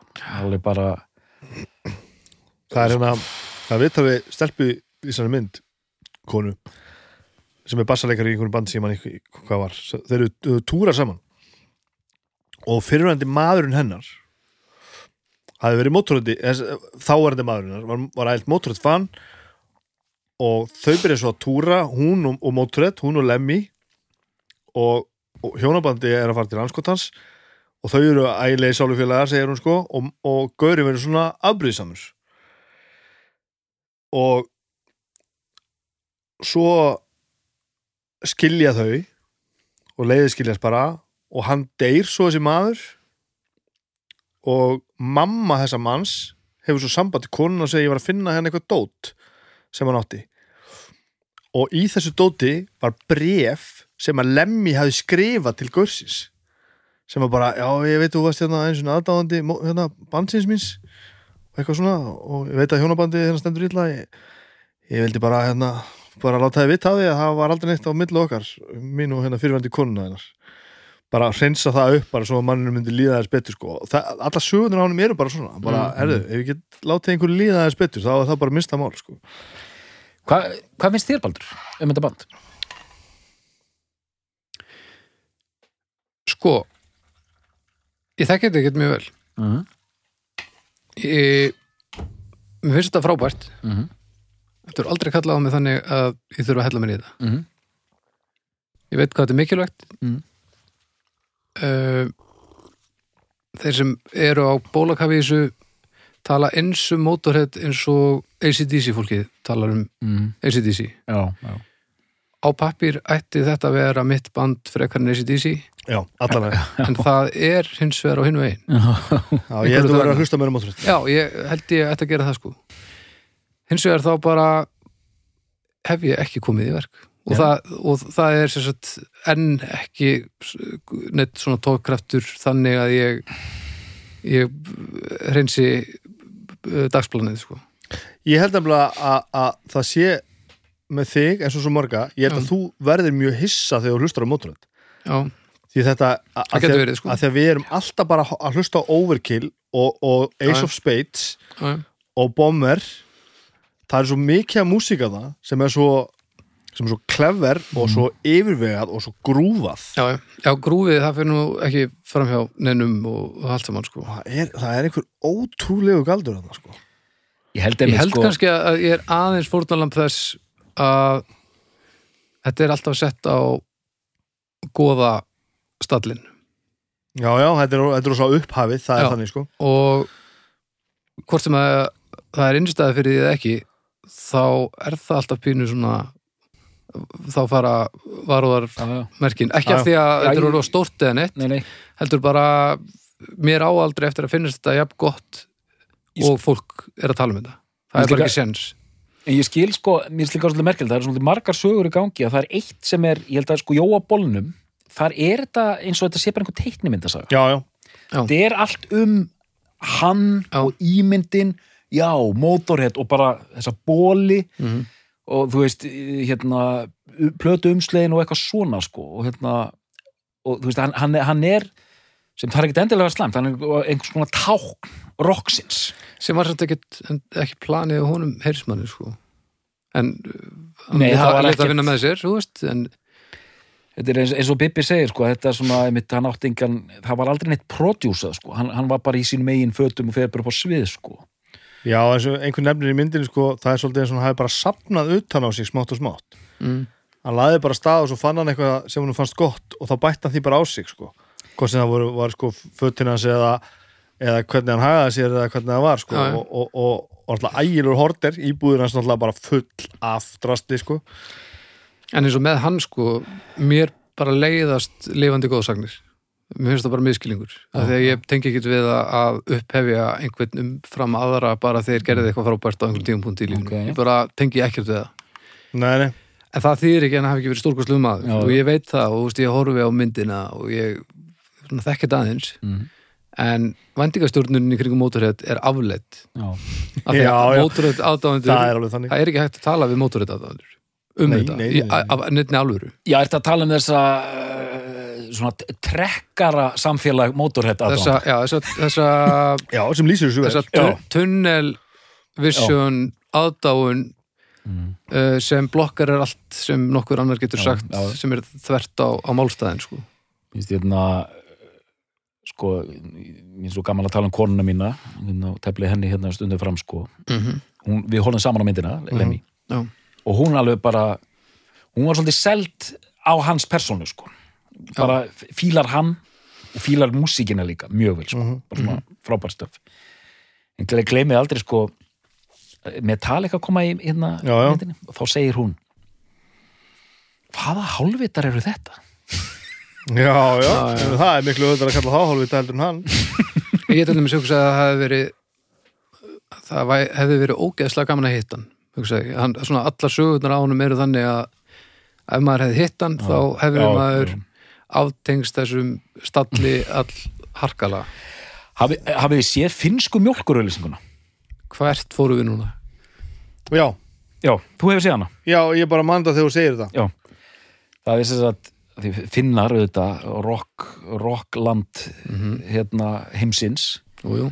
það var einhver hérna, eitthvað finnst mjólkurfyrirtæki sem fekk hann til að leiki mjólkurauðlýsingu fyrir sig. Mm og hann lappa svona út af bensínstöð með staf sko, Já, er orðin ansi, hann átti bara nokkrar, nokkra mánuð eftir sko. Mhm. og þetta var mjög fallegt að því að eftir hann lest þá sko þá síndu þeir eitthvað svona óklifta útgáfi eitthvað alveg gafið þessu sem tribut til, til hans sko. Hann er, hann er eitthvað Nei, ég drekka enga mjólk, ég drekka bara viski eða eitthvað, eitthvað svona kjæft já, sko. og hérna vinu minn, finskur mikill mótorhættmaður og bara, bara allt dásamlegt sko. Við fórum saman á tónleika í Berlín 2005 Mhm. eitthvað svo liðis sem að verið 2006 þá var í Columbia Halle í Berlín og sem síni er grændið að það var Columbia Halle dagskrá framundan Mhm. og við vorum hann það uh, Motorhead 2. april 2006 og sem var aðeins neðar Motorhead 2. april 2007 og búa að bóka þá sko ár Já. fram í tíman sko. já. bara allt klárt já, já, al, hikuðu aldrei alltaf sko bara svona clockwork hvernig var, hvernig var það gig? það var alveg geðveitt sko en við vorum samt of langt í burtu sko að maður svona, maður komst ekki inn í einhvern ham sko, Nei. það var aðeins of Já, Já. ég held ég að bara séð á einu sinni sko. já hvar sáum við það? við sáum það á, á vakkan Það, Það var, var- sent, sko. störla gig Mhm, Það var ógeðslega gaman það var 2010 11, 10 11, Var það svona 10 snemma? já, Ok. Agnes var með okkur. Nei. þetta var ferðið þess þegar þrási beit mig. Já, já. Smakkaði bibban sinn. Og þa það, það, það, það er mitt sko var ekki 2010 Örugglega. Jú, og þá var Agnes sko eh, vissi ekki neitt. Og var þú veist 19 ára eða eitthvað í blómakjól bara, þú veist þetta var bara þannig og hún ræði þetta í gera því við horfum svona á myndina sko. Og, og, og, og þá fattaði maður bara hvað, hvað, hvað þetta er sturlað band sko. Að því hún vissi ekkert hvað þungar okkur var eiginlega sko, bara mætti okkur þungar og satt í bara, bara óvart. Já, já, og þetta var bara geðveikt. Já. henni fannst þetta bara sturla sko. og þú veist maður var búin að sjá allan anskotan hana mm. Og veist, öll þessi bönd með allt þetta gimmick stöf og allt þetta mætti bara mótorhead jú, með bomberinn fyrir ofan sig Mhm. með flugil, flugilan hérna, ljósaríkið ljósaríkið sem lit út eins og, eins og sprengjuflugil sem er mjög töff by the way. Svo reyfaði sig alla sko. Standa bara kjörir og það er bara eins og sé verið að berja þig í andlitið viðstöðlust og það var, þetta er bara ekkit eðlilegt. Já. og þetta er svo góð lög og þetta er svo attitútið er svo algjört sko. Og það gikk bara alveg monstrós. Já, það var svaka Ógeðslega skemmtilegt. Maður veit ekki sko ég ætla að kasta þetta út ein- einni, einni spurningu sko, þú veist Metallica, Aerosmith er mótorið, hvað staða er mótorið hjá, hjá unga fólkinu? Hver er staða? Er þetta bara, er þetta bara logoið? Ég er nefnilega held það sko. eins og spets Ace of Spades og logoið Ace of Spades og logoið, já. Og mögulega fyrir sumum uh, stereotypiska ímynd uh, rockarans. Rockarans, já. Já og, og, og, og ég, ég held að hann eigi bara rosa stóran part í því. Eins og, eins og Metallica er að segja bara, hvað er það þú veist, þeir spurðir eitthvað í myndinni bara, hvað, þú veist, hvað áhrif hérna, lemmi haft á ykkur? Og þeir bara þeir, þú eru ekki saman í viðtali sko? Og og það er sérst aðalega hérna Hetfield og, og, og Kirk Hammett sem svara þessu. Og það er bara sko, svo byrjaði bara fötin, riffin þú veist, og byrja bara hérna að telja þetta alls saman upp. Og, og svo einmitt segir hérna eh, segir Hetfield bara og ímyndin, skeggið. Skeggið sem ég var með in the 80s Þa, Já. þetta var bara lemmi og svo segir mann það líka bara og svo er talað við skott í hann hann er að segja svip, svipaða hluti ég held að lemmi hafi bara svolítið mikið búið þetta til Já, auðvitað ég, ekki allt en, en, en, en þessi ímynd þessi síðharði skeggjaði mm.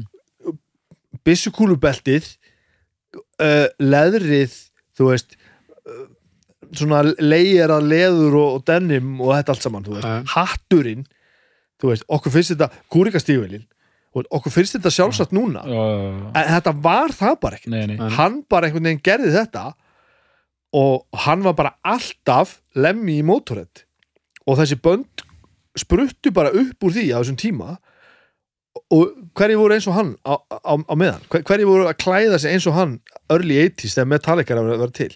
Þessi, þessi, þessi gaurar, þeir fóru bara nákvæmlega í fötin hans algjörlega, og ég meina Lars Úlrik talaði um það bara þegar hann heyrði overkill, það var lagi Já, sem breytti hans Já, lífi Já, já, og það er það sem maður heyrir svo mikið að, að þarna hafi bara trommara menningin fæðist svolítið mikið. Já, já, og magnað, svo þið viti hvað áhrifin á þrassið út Já. í Kaliforníu Já.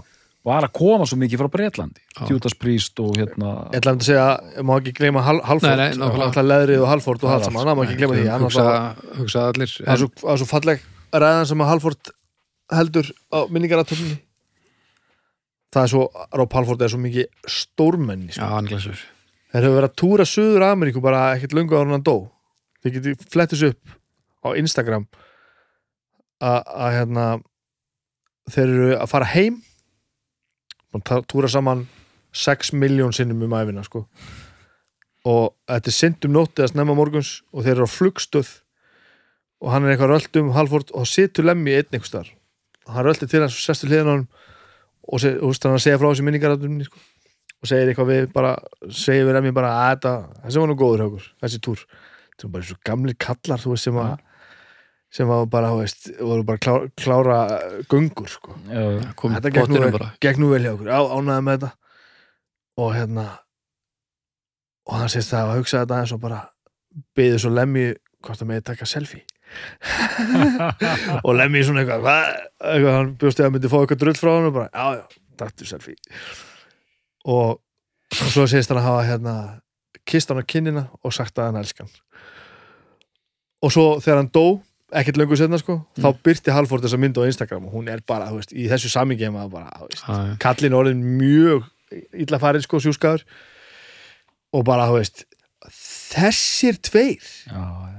Og, og, og, og ég var að horfa, horfa myndin í gær og, og þetta í framhaldi. Og ég var náttúrulega bara með tárin bara, bara á kinnar sko. Mm. Af því að e, og það er auðvitað eitthvað að sitja þarna og segja eitthvað svona. En þe þetta þessir þarna kallar gerðu það bara verkum að ég er sá sem ég er sko. Ö- e, e, auðvitað ekki bara en það er bara rosalega margt sem ég hef gert í lífinu sem er vegna þess að þessir gaurar, þessir tveir sko, gerðu það sem þeir gerðu. Og, og bara svona í sögulegu samingi hlutinni sem að ég geri dagstæðilega Mhm. mótast mjög mikið af því hvað þessir menn gerðu á sínum tíma. Algjörlega. Og það er, er svakalt að hugsa til því sem að fyrir að pæli þetta er ekkit svona eitthvað bara, já þetta breytti nú rockinu já, þetta, þetta breytti lífi ofbóðslega margra sko. Já, Ég fekk líka svona, það er ekki það er ekkit oft sem það gerist en þegar hann dó, það var svona alvörinni harma frekk sko. já, ég man bara hver ég var sko. Já, ég bara svona og einmitt þessi finnski vinnu minn sko, það var, þú veist, við vorum rosalega dabrið, sko. já. Það var þó, þó maður vissi í hvað stemdi, sko, það var bara svona getur maður sagt það, það þú veist, það er líka mann er þóttuð bara svo væntum hann. Já og þú veist hann, hann greitist með sikursíki þannig 15 árum en ára dói eða 10 árum eða eitthvað. Og íhugaði bara hvað hann ætti að gera sko, hvað hann ætti að hætta á eitthvað. Mm. og eins og hann sagði bara I'm too old to find God now veist, ég er búin að gera það sem ég er búin að gera alla mín æfi og ég verð bara að gera það til enda. Og það gerði það bara. Og minna auðvitað alltaf bara að drapa hann sig. Þú veist, hann bara hann, hann, hann mingaði reykingar frá einu pakkan neður úr tveim pökkunir í einn á dag þú veist, og svo náttúrulega bara dóan úr þú veist, bara krabba og hjartaáfalli og lúnaþembu og öllu bara í heiminum í einu sko, já. og hann var bara orðin 40 kíló og var alltaf bara en, en, en sko, hann var túrandi ég, man ekki hvað sko, leiði langt frá síðasta gigi þegar hann dó, það var svo æfintilega stutt. Mm. og nokkuð gig sem hann þurfti að blása af af því hann bara fór upp á svið og gatt bara ekki taldið áfram. Já, hætti bara aldrei.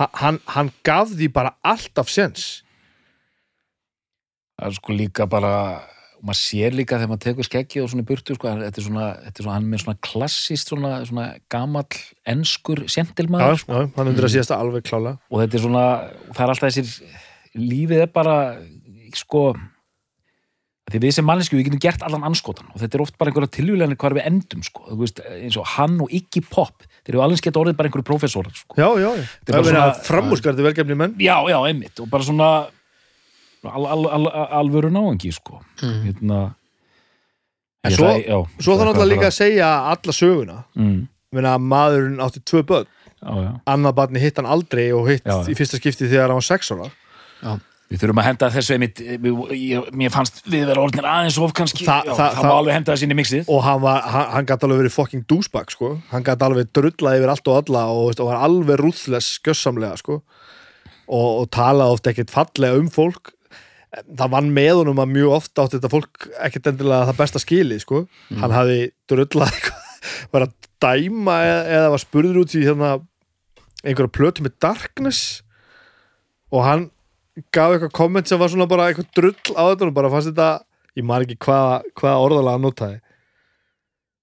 Og það er verið að tala um þetta í myndinni sko. hann og Dave Grohl er eitthvað að tala um þetta. Og Dave Grohl hittir Darkness bara á einhver staðin í bæ. Lögu einum og þeir eru eitthvað, já, lögavinn útlenska lög og þeir eru eitthvað að tala um þetta og söngvarinn í ég held að var hann ekki búin að, er ekki eitthvað búin að taka til hjá núna, hann alltaf var ekki var nú ekki veliður maður á sínum tíma sko. Og hann er bara eitthvað að drulli við Lemmy og, og, og bara segja að Lemmy hafi sagt þetta og Lemmy sé bara aumingi. Eða eitthvað svona. Og Dave Grohl fer bara að pissa og bara fer í síman og bara Lemmy, erstu heima? Kóttu inn í bæ. Svo alltaf mæti Lemmy bara og góðurinn bara og svo er Lemmy að segja frá þessu hérna e, í, í hérna í myndinni sko, þeir eru, þeir eru bara að tala saman sko. Mm. og hann segir eitthvað svona bara já já, svo talaði við hann allt kvöldið og álítið mitt á hann skánaði ekki neitt. Þannig að hann er ekkert að, ekkert að hlífa fólki. Hann var alveg, þú veist að hann var alveg, alveg svona stórkalla áttur í honum, oft svona dr drullu soks tendensa sko. Mm. en einhvern veginn svona virðist fyrir að þegar áreindi þá, þá bara vi- virðist hann alltaf sko. Og annar sem vann með honum hvort sem hann var bara svona clever eða hvort þetta, sem ég held ekki, ég held að hann hafi bara í alveginu verið svona svona samkvæmi sjálfur sér. Hann var einhvern veginn aldrei að monta sér neinu. Mm. Lemmi, hvað ertu búin að sofa hjá mörgum konum? Ég hefði það verið 2000 Ég sagði, nei, ég sagði ekki 2000, ég sagði 1000 Og einhver segir bara Það er rosalegt. Og hann sagði, já Ég, ég er samt 65 ára og ég hef aldrei verið giftur Og það er bara svona Ok. Ok. Þú veist, jú, það er rosalega mikið. En samt, þú veist, ef, ef þú ert bara þessi og lifir þá bara þessum lífstíl þá bara Já. Já, ok, Þa, það er ekki það er ekki einu á kvöldi, sko. Það er ekki þannig, það er svo langt frá því. Þannig að þú veist hann var aðeins í neyslu. Já, náttúrulega rosal og, og, og talaði mjög opinskátt um það. Já. Og glorifæði það aldrei Nei. Nei, það var svona einmitt myndin ég veit ekki hvað ég á að segja með þessa mynd hún sýnir svona, ég ætla ekki að segja tragic en svona hann, er- eða hvað en það er svona, svona raun sönn Já, Já, svona raun, raun- raunsæði bara já, raunsæg og svona hann er ekkert hvernig hann til dæmis eh, svona að dressa drikkjuna er bara svolítið flott sko. eða, þú veist, það er bara svona, svona er þetta bara Mm. Já. Hann er, þetta er bara svona, Já, bara slappið þið bara af og auðvitað og náttúrulega vinnum með honum eins og þeir segja líka bara aldrei séðan ofurölfi, aldrei séðan detta Mm. aldrei séðan uh, segja dónulega hluti að er fullur aldrei séð, þú veist, var aldrei til vandraða skilur Nei, nei, mitt það, bara, það, það var ekki hann að vera með einhvern drakk náttúrulega bara viðstöðu sko. það er svo hryllilega fyndið ég man ekki hvort það var einhver sem var í hérna, með sakka og eldi hérna Black Motors og já. hvað þetta heitir uh, að segja frá því að erum við hitt lemmi á einhverju festival eða eitthvað. Og bara, á, ég blessaður bara, bara ég ekki dökk Jack Daniels, bara, þeir bara, jú, takk. Og hann tekur flösku Jack Daniels og, og, og opnar hana og rétti gurnum og hann tekur flöskuna og, hérna og fæst sér sopa og, rétti sakk og svo sagt, tekur hana og þegar sakk allar að skila henni tilbaka til Lemmy þá er Lemmy búin að opna tværi viðbútt þá var það bara ein og mann Já, eina mann að sjálfsög að allt þetta sko alveg ægilegu spaði sko. En eins og með, sko, ég held einmitt, sko, við tölum að þessu músíkina, sko, að því við erum búin að tala um hana, einmitt, þessi heilaða þrenning, sko, sem, hérna, þú veist, það er bara eitthvað svona ótrúlegt augnablík í, í tónlistasögunni. Mér finnst þetta algjörlega geggjað, sko. En síðan, sko, já, veitu, lögum að hugsa, Já. uh, Ok, ég fyrir ekki ég kannski eitthvað Já, já, nei, hérna, jú, jú, það er þess að, ég er sammála með, uh, já, og, og þú veist, einmitt, eftir, hérna, já, Iron Fist, það er fyrsta svona, gengur ekki upp, já. já, já, ef við tökum fyrstu plötuna kannski út fyrir sig hún er svolítið svona bensku brek sko. Elskubrek og, og síðan kemur hann að, já, Iron Fist ekki, já, þessi heilaða þrenning, sko, og hérna, en síðan er það bara, eða, við reynda að tala um þetta ofta í þessu þáttum, sko, veist, allar þessar plötur síðan eftir þetta, ég er að tala um sérst, bara síðustu, síðustu átta plöturnar, þá er þetta, þú veist, fyrir mig, mér finnst þægilegt að hlusta á þetta, ég, ég, ég merki ekkert endilega á milli laga, Mhm. en mér, þetta er gott svona hljóðteppi, en maður fílar mó- Motorhead, Já, já. og bara gott. E- ekki, ekki eitthvað stórkostlegt kannski en bara Og Flott. sér að ef maður staldra við og, og nennir að hlusta þá koma svona sjóstoppir að koma riff það sem að bara nau og ef þú nennir að hlusta ennþá betur sko, þá koma textahúkara sem að bara, ó hvað þetta er ógeðslega klefver maður. Og þú veist, og svo þægilegt og þegar maður var undirbúða sig fyrir þáttin þetta er bara svo að fara í heimsó til afa eða eitthvað sko. bara, svona, bara svona þægilegt. En það, þarna held ég við séum líka með svolítið essens í þessu. Sem við erum að tala líka um áðan að hérna, þetta er ekki alltaf bara þessi grotti og þessi hamagangur. Nei, nei. þetta er svolítið bara svona þægilegt og rock'n'roll og þetta grúfar og það eru húkar og maður svona, hei, það er svona stemningu og þú veist, og það er einmitt að því að þú nefnir einmitt ACDC eins og þú veist, hérna þegar ég hlusta til dæmis á Ace of Spades plötuna, þá fæ ég bara svona síðan kemur fjórða lagið sem er bara, maður er bara svona hvernig, hvernig er hægt að semja svona mikið að geðveikum lögum sko, já, bara svo ógeðslega flott og maður er bara svona allur farin af stað sko. já, já, það eru satt. Og þú veist hérna, no class, þú veist. Oh, Já. shit. Segir mér til dæmis að Stay Clean lagnum með tvö overkill sé ekki blúprintið að því hvernig maður samti plötuna Killimall mm það er bara riffið í Stay Clean er bara, já, já, ok, heru, ég ætla, ég ætla að búið til band ég ætla, það verður hérna, Já. það verður svona. Þetta er bara svona, sko, er ekki Stay Clean, er ég að rugla. Jú, það er Stay Clean og líka þessi, þetta litla eins og í Stay Clean hérna þú veist, Stay Clean og síðan uh, eða eitthvað svona uh. Já, allt lótið flakka gætur að Baldur kannski rent ekki um lagalistan hann á Ace of Spades er ég með hana hérna, já, já, ég getur bara að tekja hana hérna Gjörðu svo vel. heyrðu, vá, heyrðu, vá Tjú. sko þetta er hérna þetta finnst mér þessast besta plata ég, já, það, og ég, hvað á ég að segja við því? Varst, varstu búin að sjá það? nei, ekkert aðeins endilega, þú veist. Sko, og útskýru það betur á eftir en bara ég ætlaði bara að við sko Ace of Spades og þetta alveg klikkalag. Love Me Like a Reptile Shoot You in the Back. Þú veist, Live to Win, Fast. Fast and loose. Þetta er svona, riffin einhvern veginn dragaði alltaf inn. Vínin, vínin, vínin þetta er það sem að heitir að grúfa eins og móðurfokkar það grúfar ekkert meira heldur en þetta. Síðan er hérna nánast uppáhaldslæði mitt með mótorið, það er hérna We Are the Road Crew. We are the road crew. og þú veist þetta þetta er svo störlað sko síðan hérna, já, já, hérna Dance, mjög fyndileg Bæti Bullet já, já, já, þú veist hérna stórkostat já, já, þetta er alltaf bara brjálað sko. En hérna, það, mín kenning með þessa heilaga þrenningu er að fyrir mig overkill mm það er ennþá aðeins pínulítið eftir finnst mér af þessu 70s rocki. Já, ég er það ekki í sondinu. Gæti verið. Síðan kemur Bomber sem er einmitt svona aðeins letdown hérna finnst mér þeir bara að vera búin að fullkomna einhvern megin bara sándið sko og, hérna, og lagasmiðana líka sko og bara, bara hvernig hún rúlar ég bara svona alveg já, er, ertu, ertu alveg svona fatal ósamála mér varstu hissa þegar þú sást að ég var að, að tefla þessi fram alls ekki Nei. af því að þú veist, það var annarkvort óekil já, það, það eru besta Það er það sem það eru eru, sko. besta, sko. það er þannig það er bara þess að það er og einmitt, hérna, Bomber er bara eitthvað svona furðulegt dip sko þetta lægið er geðveikt en síðan er restin bara hmm. Já. en þú veist, það eru þessar tvær sko og þú veist, overkillu þetta gæti unnið á þeim forsöndum að þetta er svo rosalegt sko kemur, koma þetta berskubrekkin, síðan kemur overkill og þá er þetta bara svona, erðu, halló, halló hér er eitthvað í gangi sko Löðrungurinn er svo kallar en þannig að þú veist, þetta er svona uh, skilur ekkert mjög mikið á milli þessara tvekja sko. nei, nei, nei, nei. en þú veist, ég er mjög hissa þú veist, þegar þú hefur komið með þú veist, Another Perfect Day eða, eða Bomber eða, eða e eitthvað, já, þú veist eða fyrstu plötuna til dæmis ma- maður er svona, ertu nú alveg vissu um það, sko. Já, Bomber er samt þriða besta plata þeirra sko.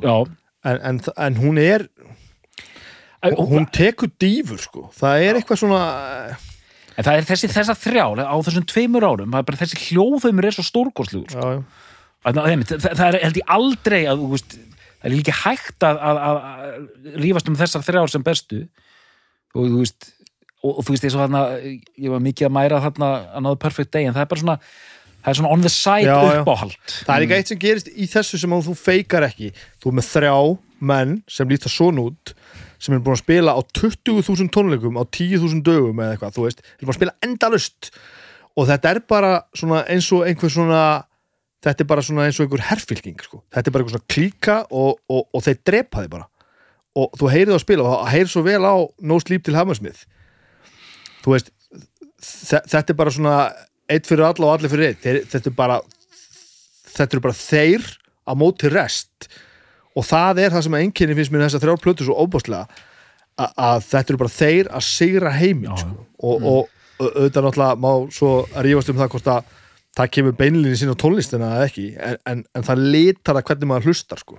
þú veist bara að það eru þessi já. sem breyttu heiminum með því að gera þetta aftur og aftur og aftur og aftur, alltaf.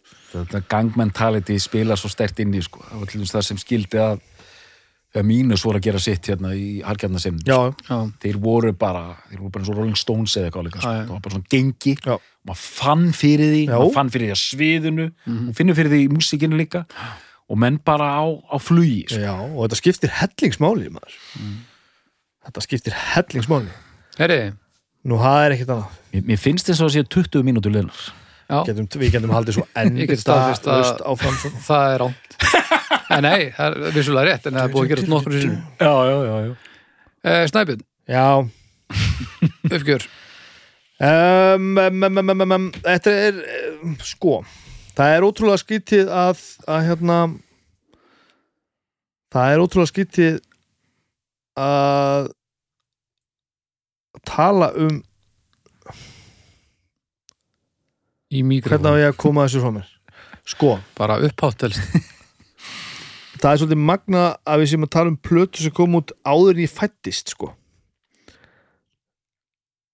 Uh, ég fætti 78 platan kemur út 77 og ég myndi segja að þetta væri hvað plötur þetta að tala um núna? overkill.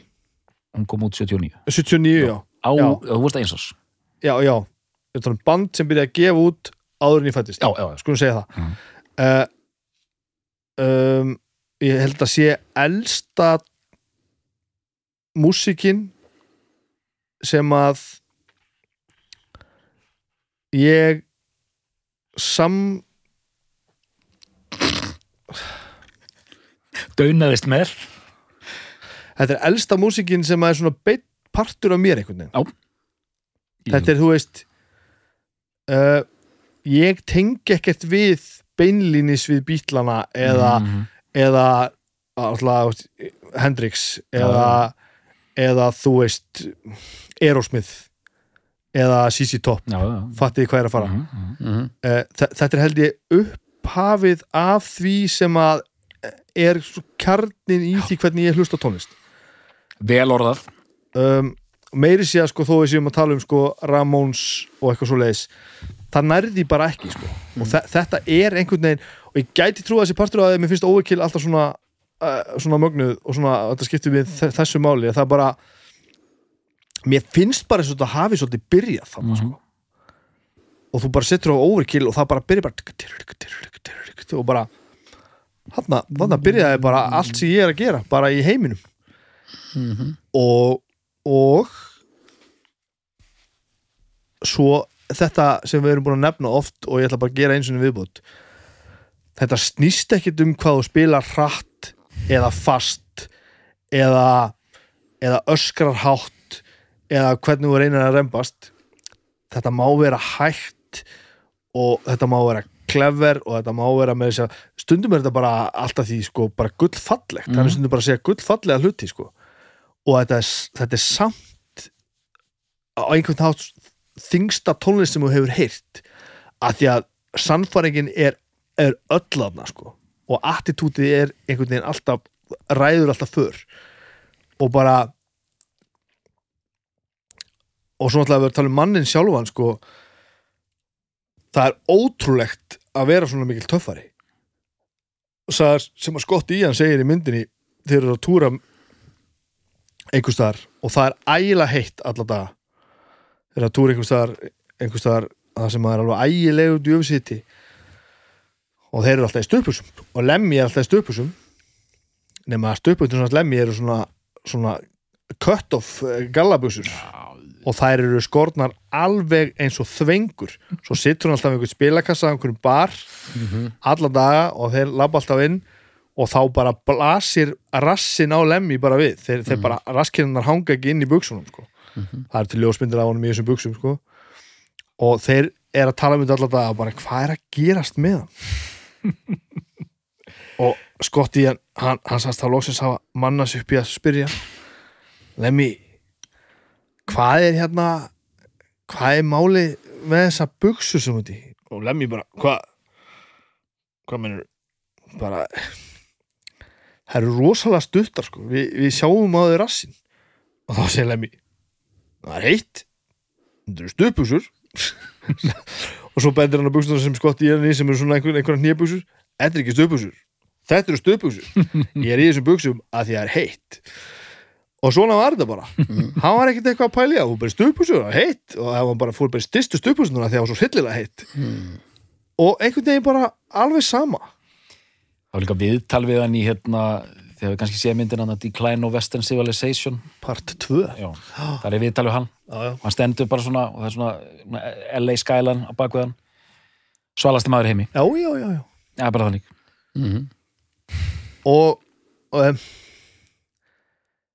e, e, það, það er eitt sem hann segir sem að er auðvitað náttúrulega sorglega staðrind en, en enga síður satt. Uh, þú getur ekki lifa eðlulegu lífi og spila rock'n'roll og það Nei, nei, nei. og hann, hann sagði þú getur ekki, það er ekki hægt að vera giftur og vera túrandi rocktónlistamæður og hans kaliber er þetta náttúrulega satt Mm. af því að það sem hann var að gera er ekkert það sem við erum að gera sko. Nei, nei. hann var bara þessi gaur, hann átti bara einhverja íbúð og svo var hann bara að túra og semja músík Mhm. og, og þú veist, hann, hann, hann borgaði náttúrulega bara fyrir það, menn hann átti ekkert hann átti að þetta sem að okkur finnst gott í eðlu lífi og ég myndi ekkert vilja skipta við hann en þú verður ekkert svona nema þú sért bara svona, bara þrú en þrú og svo og allt náttúrulega alveg óbúslega giftið og vel gefin Mhm. uh, en eh, svo talum á það veist, hvernig var veist, tilfinningi var þegar hann dó móturöti var alltaf til Mhm. þú veist, Já, já, já. við þekktum bara ekkert annað það var alltaf móturöt og móturöt sveik mann aldrei sko. Og svo bara dóan allir og maður bara, já. þú veist. Og, og við erum ekkert hérna eh, þrýr einir í heiminum að tala um þetta og þú veist, hvað fórum við á mörg festival árin eftir að hann dó og það, það voru bara það voru bara fánar af honum bara upp um, upp um, upp um alla veggi minningatónleika, tributbönd Já, þetta var bara og- endalust bara eins og keisarinn í þetta á þau sko. Og þú veist, þannig að og þetta er ekkit bara að því að lemmi og svo svalur. Þetta var bara ég held bara allir hafi í alveg upplifað það sem ég er að tala um hérna núna sko. þetta var bara einhver svona svona almenn sátt um það hvað við áttum honum og þeim að þakka já, og bara hann sveik okkur aldrei, hann var alltaf að sko. Mm. hann gaf aldrei út reload sko. nei, þú veist, bursið frá því það var bara eitthvað þú veist Já. og svo bara var hann bara mannlegur og fallegur líka það var ekki bara einhver yfirgangs töffaraskapur, hann kannski svona kendi manni það, það var líka þetta að vera bara vera bara eðlilegur en samt töff sko Já. nú hætti svo hann í fyrir að gráta hérna. Mm. Doktor? Ég bara, ég er bara meira og minna sammála öllu, eða bara sammála öllu. Ég hérna, ætla bara rétt að, hérna, ég ætla að gera upp þessa plötu, var það ekki? Jú, endilega Bara Overkill, önnur breiðskifa uh, Motorhead uh, 79 og bara, þetta er auðvitað hefur allt komið fram hérna svo sem en bara stíga er einhvern veginn fram bara, þetta er sko komið að langmestu leiti, það er, þetta er allt öðruvís enn þessi fyrsta plata, Já. það er búið að búa til ákveðin svona ramma utanum, veist, þetta er þéttar þetta er meira kompakt, þetta er stittra þetta svingar betur og þetta er bara alveg ótrúlega plata og þessi heilaga þrenning eins og hefur nefnt hérna og hvet alla sem hefur kannski bara að droppa inn og er að hlusta á þetta fyrir einhverju forvitni að, að dífa sér í þetta band það er bara, Já. þú sér ekki til því Nei. Þannig að, Snæbjörn Er þetta besta plata móturett? Já. Doktor, er þetta besta plata móturett? ég hef þetta svarað þessu mjög undarlega en, en þið eru búin að hlusta á þáttin Nei Við þakkum fyrir í dag og við heyrumst að vikuleginni.